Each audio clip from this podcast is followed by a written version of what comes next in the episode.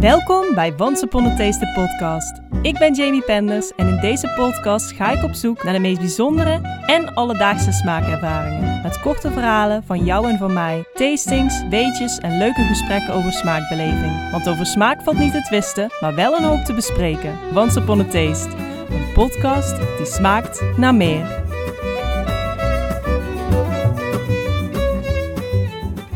Soms kom je mensen tegen in het leven die zulke mooie dingen maken. Zulke mooie verhalen schrijven en ze nog mooier kunnen vertellen. Toen Simone Burgle mij haar verhaal toestuurde, kwamen de tranen als vanzelf. Simone maakt mijn droom waar. Haar woorden waren precies waar ik al vanaf het prille begin van Once Upon a Taste podcast naar op zoek was. Smakelijke verhalen van jou en van mij. En begrijp me niet verkeerd, ik hou van praten over eten, laat dat duidelijk zijn. Maar uiteindelijk draait het niet om mij. Er zijn zoveel smakelijke verhalen die borrelend en sudderend liggen te wachten om verteld te worden. Om het water in jouw mond te doen lopen. En nieuwe stemmen geven daaraan een extra bijzondere dimensie. Simone gaat het open podium van Once Upon a Taste podcast aftrappen met haar korte verhaal: een vers pak koffie.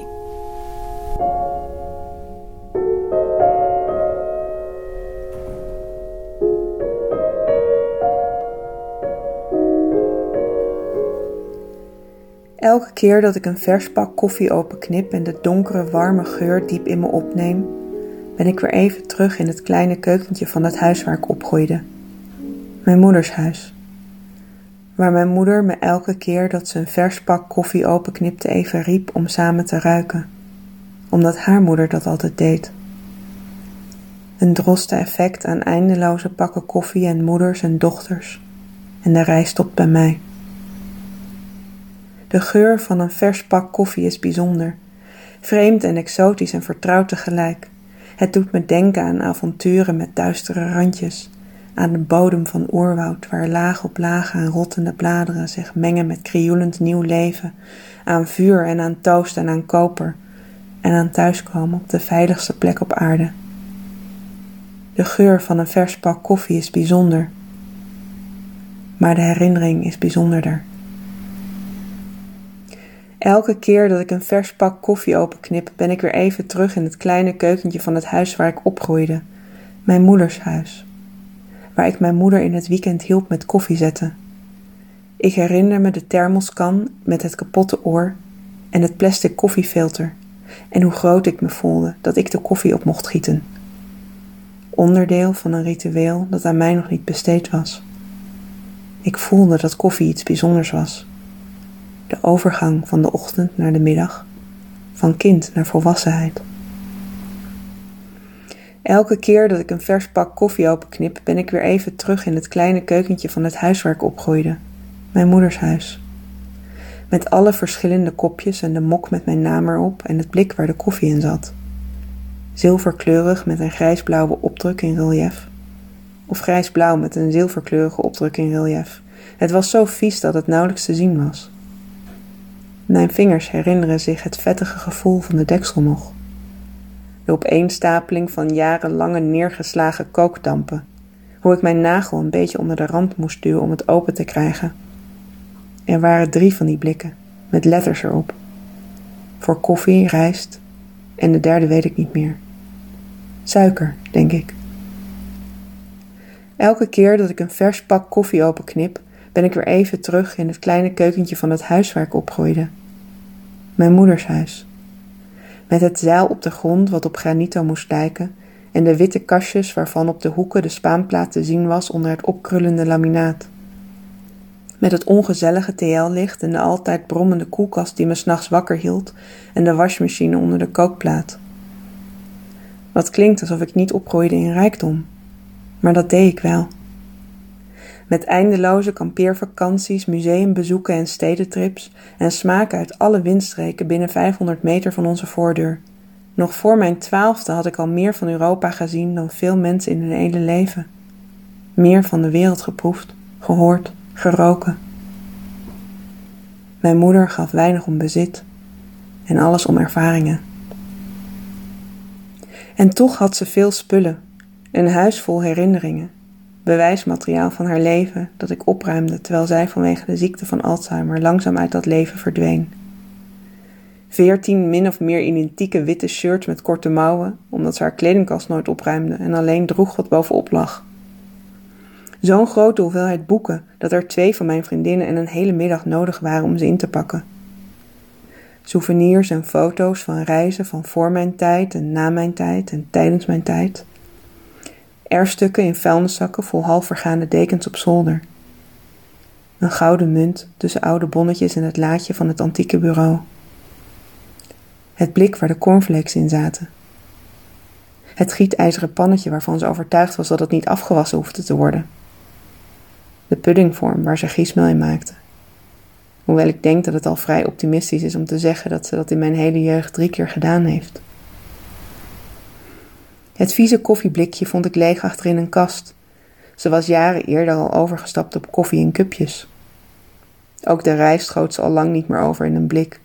En het derde, ik weet nog steeds niet waarvoor het derde blik ook alweer was. Suiker, denk ik. De blikken waren een feest der herkenning, maar nog altijd even vies.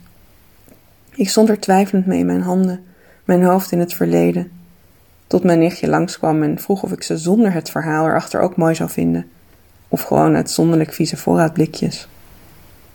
Toen ben ik maar even iets anders gaan doen.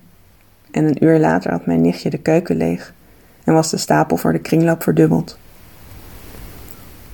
Het blik waar de koffie in zat. Ik heb het niet meer. Maar elke keer dat ik een vers pak koffie openknip, komt het weer even bij me terug.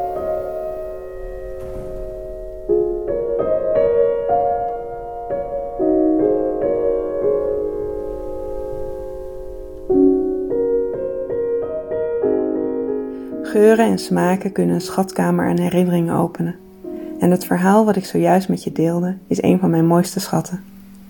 De herinnering aan mijn moeder, die afgelopen jaar overleed aan de gevolgen van de ziekte van Alzheimer. Ik ben Simone Burgler. Ik schrijf over het leven en soms over de dood. Over goede bedoelingen, epic fails, onverwacht geluk en de feilbaarheid die ons als mensen allemaal met elkaar verbindt. Deze verhalen deel ik op mijn platform The Human Trying Being. Zo geef ik elke keer de boodschap dat alles er mag zijn. Aan mezelf en aan anderen. Ik woon in Haarlem met mijn vriend en onze dwergtekkel, maar vaak zijn minimaal twee van ons te vinden in ons huisje in de bossen van Overijssel. Mijn favoriete dingen in het leven zijn regelaarzen, Harry Potter, de herfst en kampvuur. Ik ben wel eens vergeleken met wodka. Dit omdat ik, laten we zeggen, nogal temperamentvol kan zijn. Maar ook altijd glas eerlijk en volkomen transparant ben. Hoewel ik zelf niet zo'n fan ben van wodka, eh, vond ik het wel een treffende vergelijking. Het mist alleen een beetje mijn zachte kant, mijn hart voor alles wat leeft. Ik weet niet of het smaaktechnisch ergens op slaat, maar misschien dat ik wodka ben met een aardbei erin. Aardbeien zijn net zachte hartjes. En ze hebben sproeten, net als ik.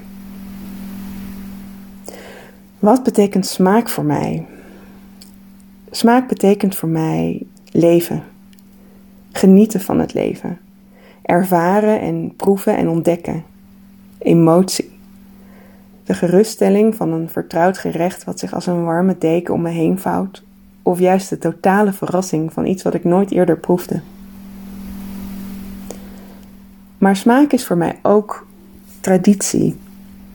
Vaste smaken voor vaste rituelen. Vaste momenten die het jaar kleur en vorm geven. Nectarines in de zomer met plakkerige vingers van het zoete sap. De geur van sinaasappel en kruidnagel en kaneel als de herfst eraan komt. Tulband met kerst. Smaken die bijzonder zijn, juist omdat ze niet het hele jaar door verkrijgbaar zijn. Daar wil ik meer van in mijn leven. Meer leven met de seizoenen. Meer eigen tradities maken. Meer vieren.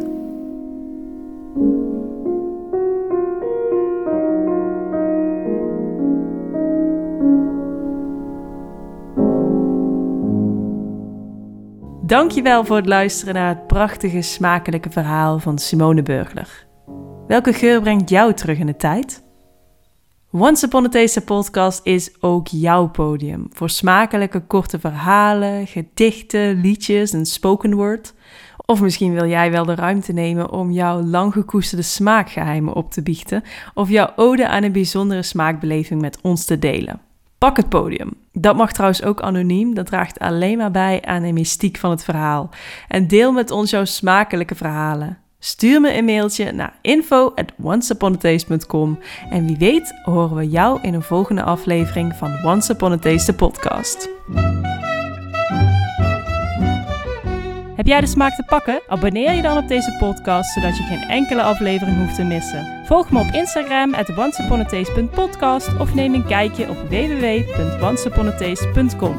Heb jij een mooi verhaal die je graag wilt delen? Een short story om voor te lezen of misschien een interessante vraag of gespreksonderwerp?